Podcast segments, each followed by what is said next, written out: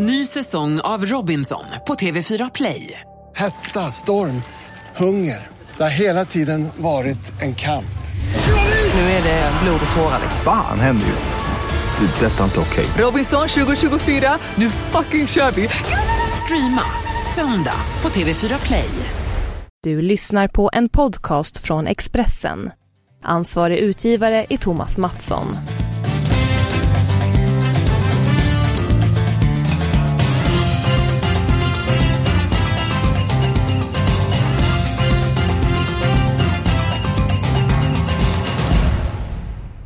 Det är mycket som eh, händer den här helgen. Allsvenskan drar igång. Eh, påsken är här. Förhoppningsvis så kommer även våren. Just nu så är det snö på en hel del håll. Den vill jag ha bort eh, åtminstone. Den här veckan så gästas vi av en spelare med stort hjärta, enorm löpstyrka. Dessutom höll hans tacklingar högsta dignitet. Välkommen till Expressens podd Avspark eh, Tobias Linderoth. Tack så mycket. Hur står det till med dig för dagen? Jo då, det är bra. Jag har fått en liten förkylning bara som jag ska, ska bli frisk från. Men eh, annars är det bra. Ja, du kurerar dig om jag- känner dig rätt. Eh, Magnus Hagnö, hur tyckte du om beskrivningen om Tobias? Jag tyckte den var bra. Vi kanske skulle lagt till eh, eh, ja, distansskott. En och, annan fri, en och annan frispark fick han ju till också faktiskt. Så att eh, ja. Eh, många egenskaper. Jag tycker att han kanske blev mer premierad för defensiva spel på slutet. Men det var ju en spelare med hög speluppfattning som, som kunde ju också göra saker och ting eh, offensivt sett på ett briljant sätt. Ja, mängder med eh, många goda egenskaper. Eh, började karriären i Mjällby, Hässleholm, Feyenoord, Elfsborg, Starbeck, Everton, FC Köpenhamn och Galatasaray. Men vad gör du för dagen nu Tobias? Nu är jag assisterande tränare i Elfsborgs A-lag. Så är det jag jobbar med nu. Så att jag får fortsätta jobba med det jag trivs bäst med. Jobba med fotboll. Ja, vad har du för känsla för Elfsborg inför säsongen? Jo, känslan är väl bra. Eh, sen är man ju alltid lite sådär när det är premiär att man, eh, man vet inte riktigt var man står. Så man, så man längtar till premiären och får se var man står lite grann och kunna mäta sig mot de allsvenska lagen. Eh, men känslan är god inför, inför vår premiär mot Malmö. Ja, vad är det som talar för att Elfsborg gör en bra säsong? Ja, det är att vi, eh, vi har eh, fått energi i laget och att vi eh, har fått in en eller två, två på spelare som har liksom höjt kvaliteten och ska, fått in den energin som gör att vi kan, kan ja, vinna fotbollsmatcher. Och sen har Jimmy kommit in med sitt gäng där som har, har ett nytänk eh, runt fotbollen som jag hoppas att spelarna har köpt och, och vill jobba vidare med. Mm, tänker på Jimmy Thelin, nya tränaren. Eh, Magnus, eh, varför värvade inte du Tobias till till Elfsborg när han kom hem ifrån Turkiet? Jag kan säga att jag gav ju allt och lite till tror jag. Jag eh, åkte hem till Tobias och vi satt i många timmar. Jag tror jag bjöd hem Tobias hem till mig och vi... vi, eh, vi jag gjorde ett jättejobb på detta och fick till och med igång eh, Tobias med fysträning så han skulle bygga upp sig med Henrik Dago där. Men eh, ja, det, jag gav allt och det vet jag. Det känns skönt att veta men det räckte ju inte hela vägen. Jag vet vad Tobias syn på den, på den övertalningsförsöket till det var. Jo, det var... Eh, ja, det var ju ett bra försök. Det var det. Jag var ju verkligen i valet och kvalet om jag ville flytta hem eller inte. Men, men valde i slutändan att eh, sluta spela fotboll helt. Eh, med tanke på att jag haft problem med min höft och sådär. Men eh, det var väldigt nära, det var det. Och jag kommer ihåg eh, samtalen jag och Magnus hade när jag var nere i Turkiet. Gick på strandpromenaden där nere och funderade på eh, om jag skulle flytta hem till Elfsborg eller inte. Ja, var, var det väldigt nära att det blev spel i Elfsborg? Ja, det var det. Eh, det hade det ju blivit om, om, eh, om jag hade flyttat hem. Eh, Eller om jag hade varit klar för att spela, eh, rättare sagt. Om motivationen hade funnits där. Eh, jag hade, valde mellan Mjällby och Elfsborg. Jag kände väl att Elfsborg låg lite närmare i och med att vi ville bosätta oss här i, i Borås då. Så. Eh, Men sen i slutändan så, så kände jag att eh, motivationen fanns inte där. Och, och kroppen var inte med mig riktigt heller. Så då, då valde jag att lägga ner det istället. Om vi går tillbaka till de klubbarna som jag nämnde. Nu kanske jag glömde någon klubb som du var i. I vilken klubb trivdes du allra bäst? Ja, men jag trivs i de svenska klubbarna naturligtvis. Eh, Stabäck trivdes jag fantastiskt bra. Eh. Men eh, min tid i FCK var nog min bästa tid som fotbollsspelare i, i Köpenhamn. Där var det både bra sportsligt och eh, även utanför planen så var det fantastiskt att bo och leva i Köpenhamn. Ja, vad minns du mest av tiden du tar med fotbollen i Köpenhamn? Ja, men det måste ju varit eh, liga, ligagulden och, och Champions League med Köpenhamn var ju, var ju höjdpunkterna. Mm, mm. Eh, jag kommer ihåg när du kom till Turkiet. Eh, du fick ju minst sagt ett varmt välkomnande på, eh, på flygplatsen. Ja, det var speciellt. Det var väldigt speciellt. Och det, det roliga i det där var ju att min agent Roger Ljung hade ju spelat i klubben så tidigare. Och, och visste hur de tog emot de nya spelarna. Och, men han har valt att inte säga någonting till mig alls under flygresan ner. Han bara satt och log lite i flygresan ner. Och, sa att det kommer nog vara någon eh, välkomstkommitté av någon slag där nere. Men, så jag förväntar mig inte det när jag kom ner men eh, ja. Du, du får berätta vad som hände. Ja. Så det var lite, lite chock var det för att man blev mottagen på det sättet. Det var... Eh, har aldrig hänt innan, kommer aldrig hända igen tror jag. Ja, du får, du får berätta för de som inte har sett de här bilderna. Ja men det var ju att man kom ner där. Det står ju en folksamling där nere. Och första känslan var ju att eh, man tittar sig omkring och undrar vem är det som landar nu och vad är det för folk som kommer nu. Men när de började ropa Linderoth, Linderoth så förstod man att, eh, att det var mig de siktade in sig på. Och började kramas och pussas och eh, man blev hissad i luften och allt möjligt. Så det var, ja, det var omtumlande men, och chockerande. Ja, man ser ju på bilderna när man tittar på Youtube hur mycket, hur mycket Tobias njuter av detta. Eh, och känner hur, hur bekväm han känner sig i den här situationen. Jag vill rekommendera alla att gå in på Youtube och slå på Tobias Linderoth och se på detta. För det är ju, det är ju stor, eh, stor TV kan man säga. Ja det, ja, det är fantastiskt. Det var kanske det som saknades att du skrev på för Elfsborg. Att du skulle fått ett riktigt varmt välkomnande där. Det var inte bara Magnus skulle övertala det. skulle vara hela klubben och fansen och så vidare. Folk skulle krama om dig när du kom till Borås och ropa ditt namn. Det var kanske det som saknades. Ja, det var ju kravet från min sida. Men de lyckades inte få ihop det här. Så att då, då blev det ju inget eh, heller. Så är det ja, Där får du ett gult kort Magnus. Ja, ja men jag kramar han ordentligt själv i alla fall. och inga kindpussar. Nej, så jag, jag la det på den nivån han ville ha det. Mm. Om vi går tillbaka då här. Vi har inte nämnt att du var ju eh, en tongivande spelare i landslaget. Eh, nu har ju Sverige då spelat två stycken träningslandskamper. Eh, förlust mot Chile, sent avgörande. Förlust mot Rumänien i veckan. Vilket svar fick Jan Andersson av de här landskamperna? Nej, jag vet inte om han fick så mycket svar egentligen. Det är väl några spelare som gärna vill vara med i truppen. Det är väl kanske det han tittar på mest eh, i den andra matchen framförallt då. Eh, men eh, han vill väl se att, eh, att det är två matcher där han känner att eh, man kan jobba vidare med sitt eget spel. Att man kan eh, förmedla det till spelarna på, på det bästa sättet genom att ha dem samlade då. Och sen få två bra matcher. Jag förstår att de inte riktigt var nöjda med förutsättningen inför andra matchen som, som gjorde det svårt för spelarna att prestera och, och laget prestera också. Ja, det var en svår plan nere i Rumänien. Magnus, vad säger du om Sveriges insatser och vilken eller vilka spelare har stärkt sina möjligheter att komma med i VM? Kanske att det inte hände så mycket på den fronten. Jag tycker att det var en helt okej match mot Chile. Eh, ett starkt Chile. Bra genomkörare. Och då, start, då liksom första elvan spelade. Så det var ju en helt okej helt okay match att få. Eh, andra matchen, många spelare skulle få chansen. Det blev en värdelös plan, det blev en värdelös match. Eh, som inte gav speciellt mycket. Oskar Hiljemark tycker jag ändå var den som visade framfötterna. Och nu har vi Jakob Johansson på skadelistan. Albin Ekdal är ju lite, eh, lite, ja inte helt hundra heller. Så att jag tror att det var en... Kanske Oskar, Oskar Hiljemark var den som var vinnaren på de här två matcherna. Eh, ja, det var, det var nog, det, det, var nog det, det stora egentligen tycker jag. Mm. kunde du inte tagit i lite grann mer Magnus? Att det var en värdelös plan och värdelös match. Kunde du inte tagit i lite grann till? ja, det, var inte, det var inte lätt att prestera på den planen. Så det blev ju en dålig fotbollsmatch.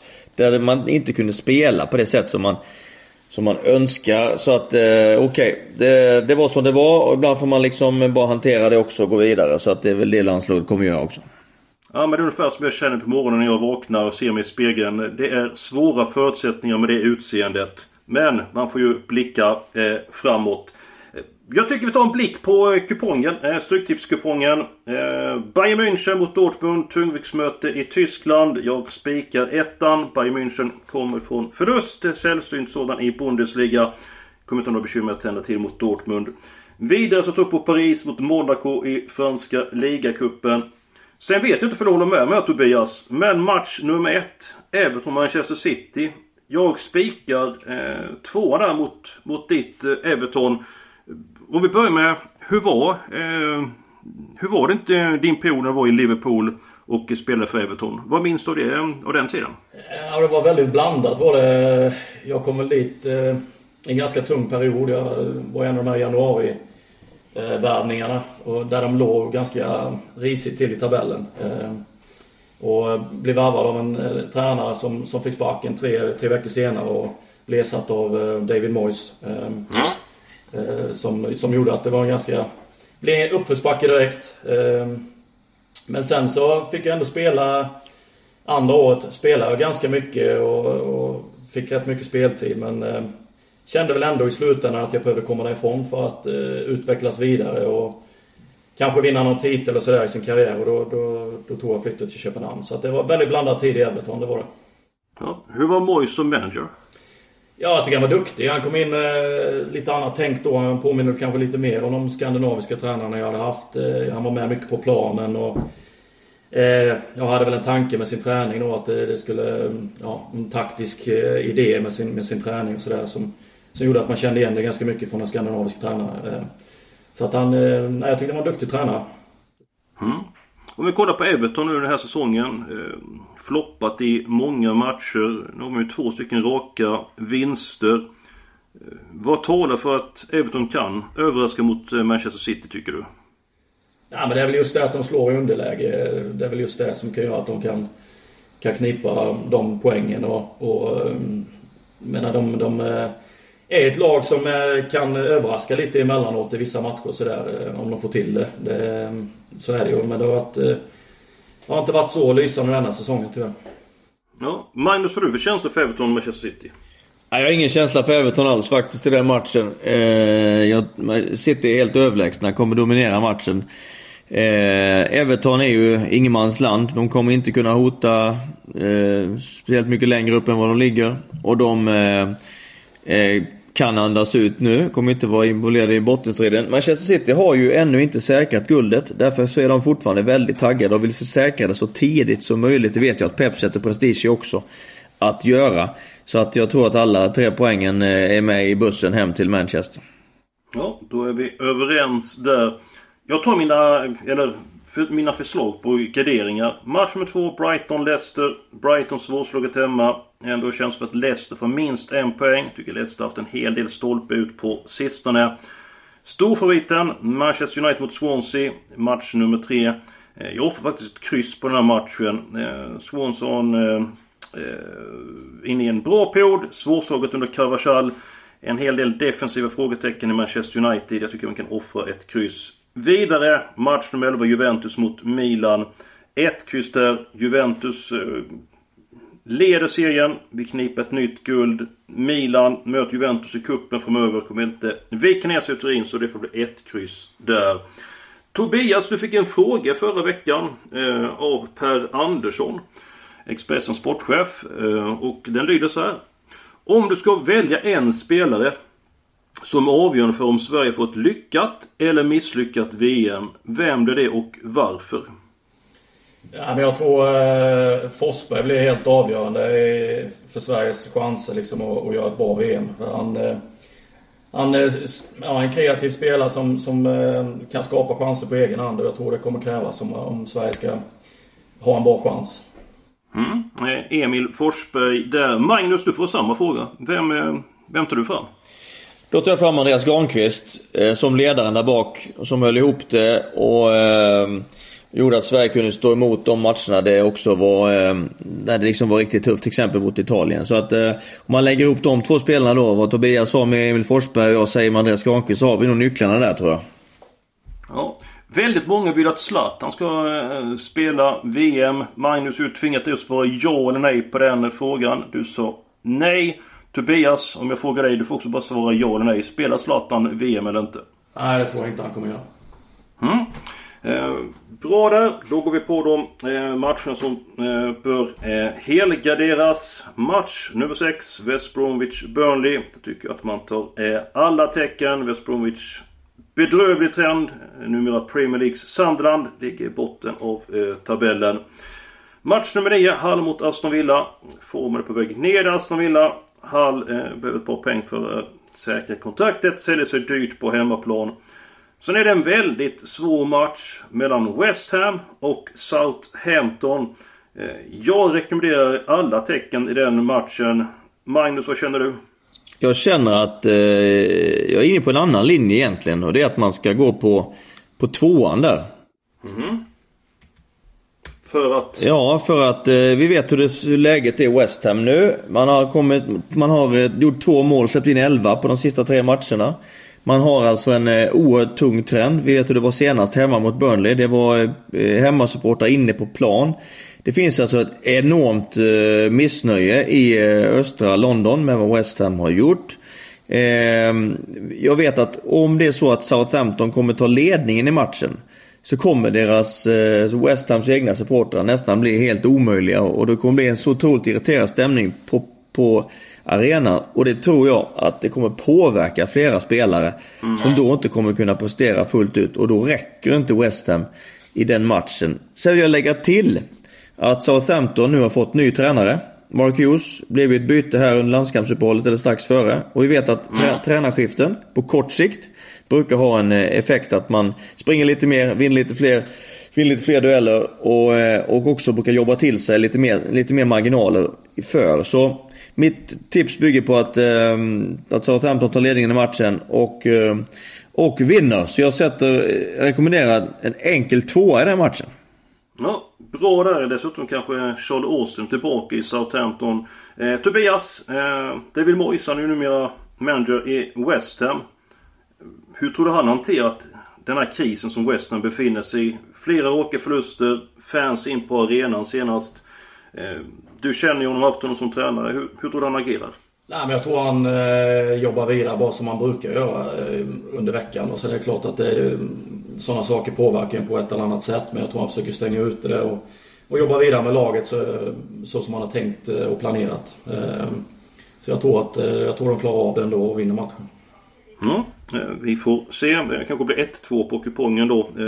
Vi är inte helt överens där. Lite granna frågor. Jan Jönsson i Ulricehamn. Träffas ni fortfarande i pannbandsligan, Tobias? Ja, emellanåt. Jag träffar ju Bella nästan dagligen eh, i och med att Norrby de tränar eh, på arenan. Så vi har samma arbetsplats. Mm. Anders är lite mer... Eh, ser man inte så ofta mer, mer på TV numera. Så eh, mm. han träffar inte lika mycket. Ja, det var då Fredrik Berglund, Anders Svensson, Tobias Jonsson, pannbandsligan i, i Älvsborg. Har du kvar pannband förresten? Nej, det, det, skippar jag. Jag var ganska tätt på. Jag klippte mig och blev äldre. Jag, säga. jag tror det kunnat säljas för ganska stora pengar nu annars i nuläget. Det var, eh, annars hade jag kunnat köpt det, det pannbandet vi haft lite grann mer hår. Eh, Anna Andersson från Stockholm. Vem tycker du bäst? Ronaldo eller Messi? Messi. För att? Ja, han är mer allround. Han har eh, flera strängar på sin lyra. Han, eh, han eh, ja, för mig är det kanske den världens bästa spelare genom tiderna. Han har hela, han har allt, skulle jag säga. Ja, en fantastisk fotbollsspelare, vilket även Ronaldo är.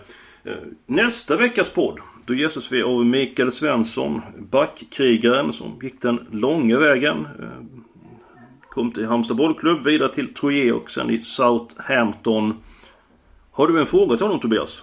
Ja, det har jag. Det, han eh, blir ju kallad Killer. Eh, jag undrar var han har fått det smeknamnet ifrån.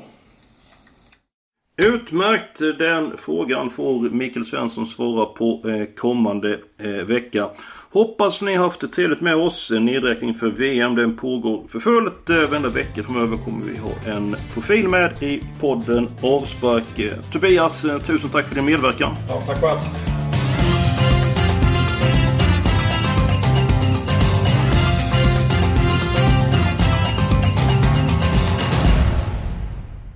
Du har lyssnat på en podcast från Expressen.